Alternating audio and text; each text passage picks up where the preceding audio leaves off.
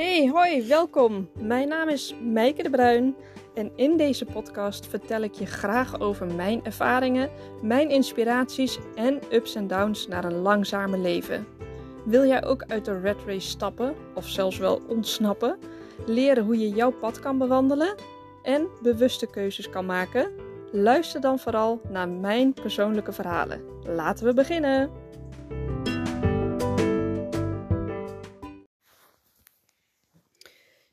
Tja, ehm, hoe gaan wij het doen met scholen in Spanje? Dat is eh, een uh, onderwerp wat ons heel veel bezighoudt. En ik denk dat dat met name mij heel erg bezighoudt. Ik denk dat Diederik daar, iets minder uh, last van heeft. En ik denk dat dat ook iets man-eigens is. Ik zit heel veel stappen vooruit te denken. En natuurlijk je moederinstinct die het gewoon heel goed wil hebben voor de kinderen. Um, straks in Spanje. Want um, ja, zoals je misschien al wel hebt gehoord en begrepen, wij gaan emigreren naar Spanje. Jawel, een hele, hele grote stap in ons leven. En ik heb er ook echt zoveel zin in.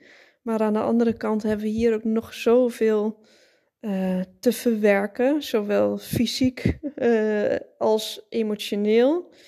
Op fysiek vlak natuurlijk gewoon heel simpelweg een huis met heel veel spullen. En spullen die niet allemaal mee kunnen. En uh, dat uitzoeken ervan. Um, en, het, en het verkopen. Dat er natuurlijk mensen langs gaan komen om te bezichtigen. Iedere keer het huis weer netjes maken. De tuin weer netjes maken. Nou, als ik er allemaal al uh, over heb nu, dan, ja, dan krijg ik al helemaal uh, kloksende okseltjes. Maar uh, ja, dat is iets wat er gewoon nu bij hoort en waar nooit iemand zin in heeft. Maar ja, het moet wel gebeuren als je je huis wil verkopen. En emotioneel natuurlijk het afscheid nemen van alles zoals het nu is. En van alle lieve mensen. Maar ja, misschien ben ik ook wel heel erg bleu. En denk ik van ja, al die goede vriendschappen die ik nu heb, die blijven. En dat is het naïeve in mij. Maar laat mij dan maar lekker naïef zijn. Um, Weet je, het gaat er gewoon om hoeveel effort je er van beide kanten in gaat steken. En ik heb er alle vertrouwen in dat de mensen die mij echt aan het hart gaan, dat ik daar echt de energie in wil blijven steken. Dat is ook een van de redenen waarom wij in de buurt van een vliegveld willen gaan wonen, omdat ik de vrijheid wil voelen, met name in mijn hart, om te kunnen gaan en staan waar ik wil, om die sociale contacten ook te kunnen onderhouden. En uh, ja, ik hoop dat mensen ook echt naar ons toe gaan komen. En ik snap dat dat niet in de kwantiteit is zoals dat nu is. Dat je niet even lekker kan wandelen volgende week met iemand. Maar uh, ja, dat zal wat intensiever uh, verlopen. Maar goed, ik begon dus over hoe gaan we dat met school doen met de kinderen in Spanje. Nou, weet je, mijn hoofd gaat daarin van links naar rechts. En in het begin ben ik daar heel veel over gaan lezen. En heb ik me aangesloten ook bij Facebookgroepen. Ik doe echt helemaal niks met Facebook al heel lang niet meer. Maar ik dacht, ja, Facebook en groepen, dat is wel uh, heel erg handig. Dus ik ben me gaan aansluiten bij uh, wonen in Malaga, emigreren naar Spanje, scholen in Spanje, noem het maar op. En dan kom je heel veel uh, in contact met leuke, lieve mensen die echt heel erg eager zijn om hun, uh, ja, hun, hun wijsheid en hun kennis al te delen met je. Daar ben ik echt enorm positief verrast over hoe welwillend mensen zijn. En dat je ook gewoon echt uiteindelijk 06-nummers met elkaar uit weet te wisselen. En dat je via WhatsApp verder gaat uh, kletsen met mensen. En zelfs uitgenodigd wordt uh, zodra je in Spanje bent om eens bij ze langs te komen. Echt enorm hartverwarmend is dat. Maar ik heb dus wel geleerd over Spanje dat er uh, ja, drie verschillende mogelijkheden zijn. Dat is namelijk naar een, normale traditionele uh, school gaan, een Spaanse school gaan. Dus dat is ook gewoon gesubsidie gesubsidieerd vanuit de Spaanse overheid, net zoals dat in Nederland is. Dus daar betaal je niks voor. Nou ja, niks, dat gaat natuurlijk vanuit de belastinggelden die we allemaal betalen. Um, dus dat is dan gewoon ook een Spaanstalige school. Dan heb je uh, de internationale scholen, waar dus wat, wat dus met name Engels georiënteerd is en de tweede taal de Spaanse taal is. Uh, zo heb je ook internationale scholen die uh, als basisvoertaal Duits hebben. Maar dat is in bepaalde gebieden. Maar dat is voor ons echt niet, geen optie. Maar dat vond ik wel interessant. En dan heb je ook nog scholen, wat alternatieve school, schooltjes. Nou, die zitten dus een beetje ja, op, een, op een ander vlak. En dat zijn de Waldorfschooltjes, uh, de opkomende Montessori-schooltjes, maar het kunnen ook helemaal ja, privé betaalde schooltjes zijn. Nu moet ik zeggen dat die internationale scholen ook privé uh, scholen zijn. En met privé bedoelen, wordt dus bedoeld dat je dus eigenlijk uit eigen zak betaalt. Dus dat, um, ja, daar zit een enorme financiële bijdrage aan per maand en ook nog jaarlijkse fees. En ik sloeg daar echt stel van achterhoofd over die bedragen. Want dat kan dus echt wel om 600 euro per maand per kind gaan. Nou, zoals jullie weten, zoals je weet, hebben wij drie kinderen. Dus drie keer 600 en dan ook nog de jaarlijkse fees. Dat loopt behoorlijk in de papieren. Maar ik had het daar een poosje geleden met iemand over dat ik dat zo duur vond. En, en ik heb natuurlijk wel iets met geld dat ik al snel iets duur vind. En dat ik dus echt moet gaan leren um, ook weer in zo'n nieuwe situatie als dit van, goh, maar wat is het dan eigenlijk waard? En toen ik met diegene daarover praatte, toen besefte ik me ineens van, ja, maar het gaat om eigenlijk een hele korte periode in een mensenleven dat je naar school gaat. En wat is die periode je dan waard? En als je dat gaat uitdrukken in geld en je kunt daarvoor gaan sparen of een potje opzij zetten, of zoals in ons geval, je verkoopt je huis. Uh, en als het uh, heel erg positief verloopt, heb je een stukje overwaarde. En als je een deel van die overwaarde opzij gaat zetten voor je kinderen, voor hele goede scholing, dan bekijk je het vanuit een heel ander perspectief. Ik vind dat een stukje omdenken. Dan zet je dat geld echt opzij en dan niet voor dat je het niet alleen maar steekt in een nieuwe auto of een nieuw huis in een nieuw land, maar ook in een stukje ander onderwijs voor je kinderen. Wat eigenlijk misschien nog wel belangrijker is dan een heel mooi huis. Uh, dus toen ik dat in één keer zo ging zien, toen dacht ik: hé, hey, dan is dat, dat uh, internationale privéonderwijs of een alternatief onderwijs nog helemaal niet zo gek. Dus um, ik vlak die zeker niet uit. Een reguliere, traditionele Spaanse school Um, die valt voor mij niet gelijk af, maar wel voor Janne en Jolien. Die zijn 14 en 15 en dan 14 en 16. Uh, die zitten natuurlijk al zo in het schoolsysteem hier in Nederland.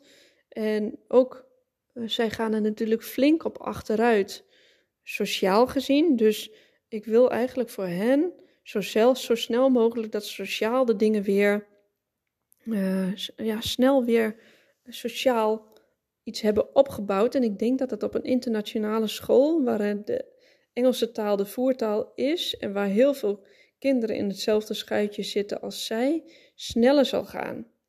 Dus dan heeft dat voor mij de voorkeur. Nu heeft Janne uitgesproken, die moet nog twee jaar naar het gymnasium, dat ze dolgraag dat gymnasium hier in Nederland wil afmaken. Zij heeft een vaste vriendinnengroep. Zij wil een examenjaar meemaken zoals iedereen dat meemaakt. En dat snap ik heel, heel erg goed dat zij dat wil afmaken. Dus we gaan in contact uh, komen met, met de rector van de huidige school.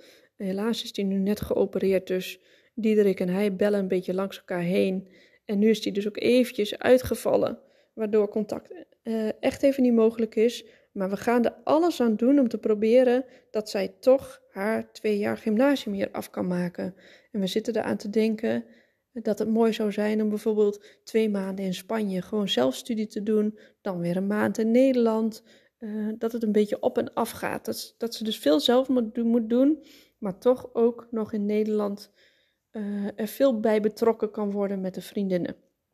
En hoe we dat dan moeten doen met een dak boven ons hoofd in Nederland, heb ik ook allemaal al wel ideeën over. Over een tiny house of bij mensen, bij een vriendin inwonen.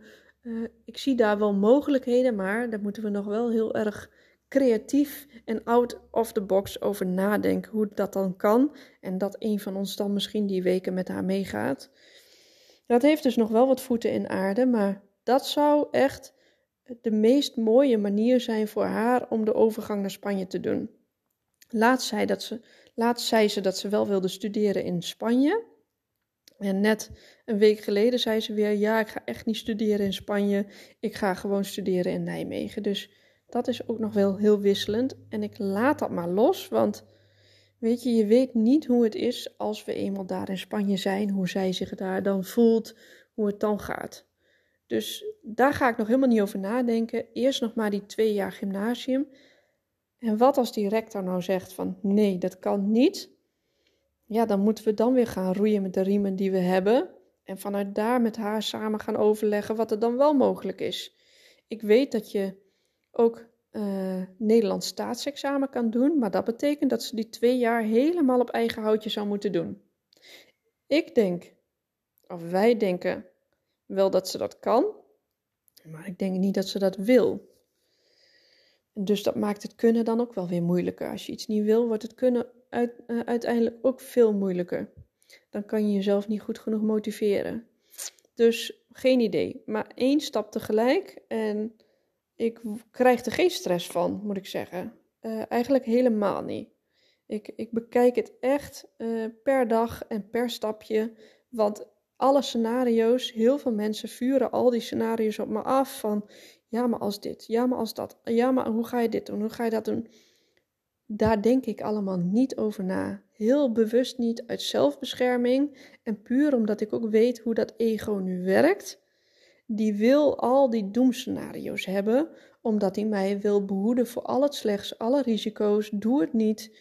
Maar ik maan mijn ego gewoon tot rust. Ego, ik ga het allemaal rustig regelen. Wees kalm. Je hoeft je daar allemaal nog niet druk om te maken. We leven in het nu en nu gaat alles goed en we nemen dit ene stapje. En wat er daarna komt, dat komt daarna, dat kunnen we nu nog niet overzien. Dus maak je er dan ook niet druk om. Want dat heeft geen enkele zin.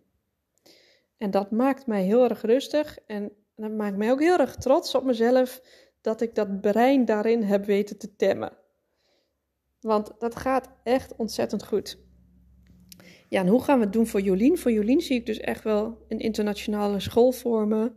En dat ze op de hockey gaat daar. Uh, die maakt per week al haast iedere keer weer nieuwe vriendinnen hier in Nederland. Die maakt enorme sprongen, ook op geestelijk vlak. Die wordt echt een jong volwassene. Dus uh, waar ze ja, waar ze e-, echt, ze is echt enorm aan het groeien. Zij sociaal is ze al heel erg sterk, maar je merkt dat omdat zij zo aan het groeien is, um, ja, trekt ze ook weer andere mensen uh, naar zich toe en, en krijgt ze dus ook echt weer andere vriendinnen. Maar ook de oude vriendinnen, daar onderhoudt ze het contact ook nog steeds heel erg goed mee. Dus haar groep vriendinnen breidt zich enorm uit. Dus ze had het altijd al best wel uh, goed op dit vlak, maar dat wordt alleen nog maar beter steeds. En daar houdt zij ook heel erg van. Dus voor haar een internationale school en voor Elske die is zeven. En voor haar weet ik het niet. Weet ik het echt niet. Zij uh, is enorm gelukkig als zij gewoon lekker thuis is bij ons. En dat zag ik op reis ook. Zij kan heel snel ook leren, dingen oppakken. Wij uh, hadden best wel een voorsprongetje gecreëerd, onder andere met taal, toen we op reis waren, terwijl we dat zelf niet eens door hadden.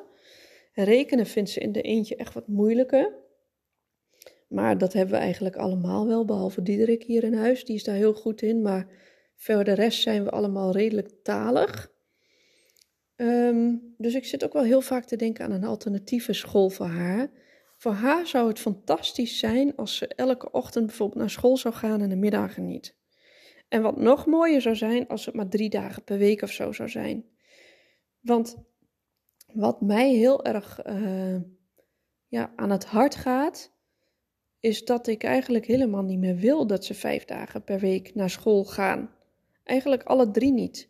Ik wil het leven zoals het hier is in Nederland, die drukke red race die heel erg wordt bepaald door je kinderen die alleen al vijf dagen naar school gaan En de meeste mensen die vier of vijf dagen werken, dat wil ik niet meer in Spanje. In Spanje gaat alles al op een rustige tempo, dus dat is super fijn. Maar Diederik en ik, die, Diederik en ik, die werken al niet meer vijf dagen per week. Uh, ik kan werken wanneer ik wil. Hij gaat nu een opleiding tot masseur doen, echt super gaaf. We gaan de camper gaan we verhuren in Spanje, dus we gaan van allerlei nieuwe dingen creëren, waardoor we niet vijf dagen per week gaan werken. We willen gaan werken wanneer het vooral ons plezier geeft. Ehm, natuurlijk kan je niet alles helemaal zelf bepalen als je zo'n camper verhuurd hebt, wij willen gewoon niet meer vijf dagen per week aanstaan. En als de kinderen dan wel vijf dagen per week aanstaan en vijf dagen per week ergens moeten zijn om half negen ochtends, ja, dan zitten we nog steeds in dat stramien. Dus dat is iets wat ik absoluut niet ambieer. En hoe moet het dan wel? Ja, dat weet ik nog niet zo goed. Dus toen Diederik en ik het eh, een paar keer over hadden gehad, zei hij op een gegeven moment: Maar waarom zouden we dat meteen allemaal uitgekristalliseerd moeten hebben voordat we vertrekken? Um, waarom kunnen we dat niet allemaal gaan bepalen als we daar zijn? Dan kunnen we ook veel beter naar een school gaan kijken, gaan voelen, gaan ontdekken. En ik ben het daar wel helemaal mee eens. Dus um, wat we gaan doen is dat we gaan daar eerst een huisje huren. We hebben ook nog geen huisje, want we hebben dit huis nog niet verkocht. We weten nog niet wanneer we weggaan uit Nederland. Dus ik kan ook nog helemaal niet um, iets vastleggen daar, want ik heb nog geen datum. Het enige wat ik heb is een soort van vakantiehuisje, een contactpersoon die drie vakantiehuizen zelfs heeft daar waarvan de kans groot is dat het in november wel vrij is. Dus eigenlijk heb ik in mijn hoofd al zitten dat we daar naartoe gaan, maar niks is zeker. Dus ik heb wel comsie comsa, heb ik al wat. Um, en is dat dan de goede regio? Uh, kijk, die alternatieve schooltjes, die zijn natuurlijk heel dun bezaaid, dus die zitten niet overal. En je wil ook niet hebben dat je straks een uur rijden hebt naar zo'n alternatief, schooltje. Um, dus ja, dat zijn van die dingen die me nog wel enigszins bezighouden, maar waarvan ik het ook oké vind dat ze me pas echt bezig gaan houden en echt concreet gaan worden als we daar zijn. We nemen gewoon als we daar zijn gewoon een time-out. Stel je voor, we zijn in november of zo daar. Dat we november, december gewoon echt even helemaal niks doen. En ik denk dat op een gegeven moment dan je het ook wel zat wordt, het niks doen. En op een gegeven moment ook wel graag weer wat wil. En dat de kinderen dan ook wel weer wat willen. Dat ze dan te veel dagen alleen maar op hun telefoon hebben gezeten. Sociaal heel weinig hebben. Dus dat je dan wel weer op zoek gaat naar dat soort dingen. Dat de tijd dan weer rijp wordt daarvoor. Zo zie ik het voor me. Dat we de tijd ervoor nemen om al dit soort dingen concreet te maken als we daar eenmaal zijn. Behalve voor Janne, daar moeten we dus even anders voor aanpakken. Daarvoor moeten we dus in Nederland al wel enige zekerheid hebben. Dus ja, zo gaan we het doen met scholen in Spanje. Geen idee dus. dus ik heb al wel heel veel uh, informatie in mijn hoofd zitten en ook in een Word-bestand op mijn computer gezet, zodat het ook een plekje heeft en niet allemaal in mijn hoofd hoeft te zitten. Ik heb een speciale website voor alle alternatieve schooltjes die er zijn uh, rondom Malaga. En die heb ik allemaal gepinpoint in Google Maps, zodat ze ook makkelijk te vinden zijn. Dus al best wel wat voorwerk gedaan. Maar ja, hoe het echt helemaal zal gaan verlopen, geen idee. Dus um, dit is een lesje loslaten. En eh, KWW, zoals we in het oosten zeggen, kijken wat het wordt. En dat gaan we doen. Want we willen een rustige leven en daar hoort ook echt bij dat je het leven gewoon lekker gaat volgen zoals het komt. En dat ik niet van tevoren alles precies hoef te weten. Ik vind het eigenlijk wel lekker. Ja, en ik weet, het gaat wel goed komen. Het gaat echt sowieso allemaal wel goed komen. Dus uh, zo gaan we het doen met scholen in Spanje. Ik hoop dat je er iets van hebt opgestoken en dat je het uh, uh, interessant vond. En ik ben benieuwd of jij ook zulke grootse plannen hebt zoals wij hebben, of dat je het gewoon leuk vindt om dit pad te beluisteren. Laat je het me weten en um, ik wens jou vooral nog een hele mooie dag. Veel groetjes, veel liefs, doei doeg!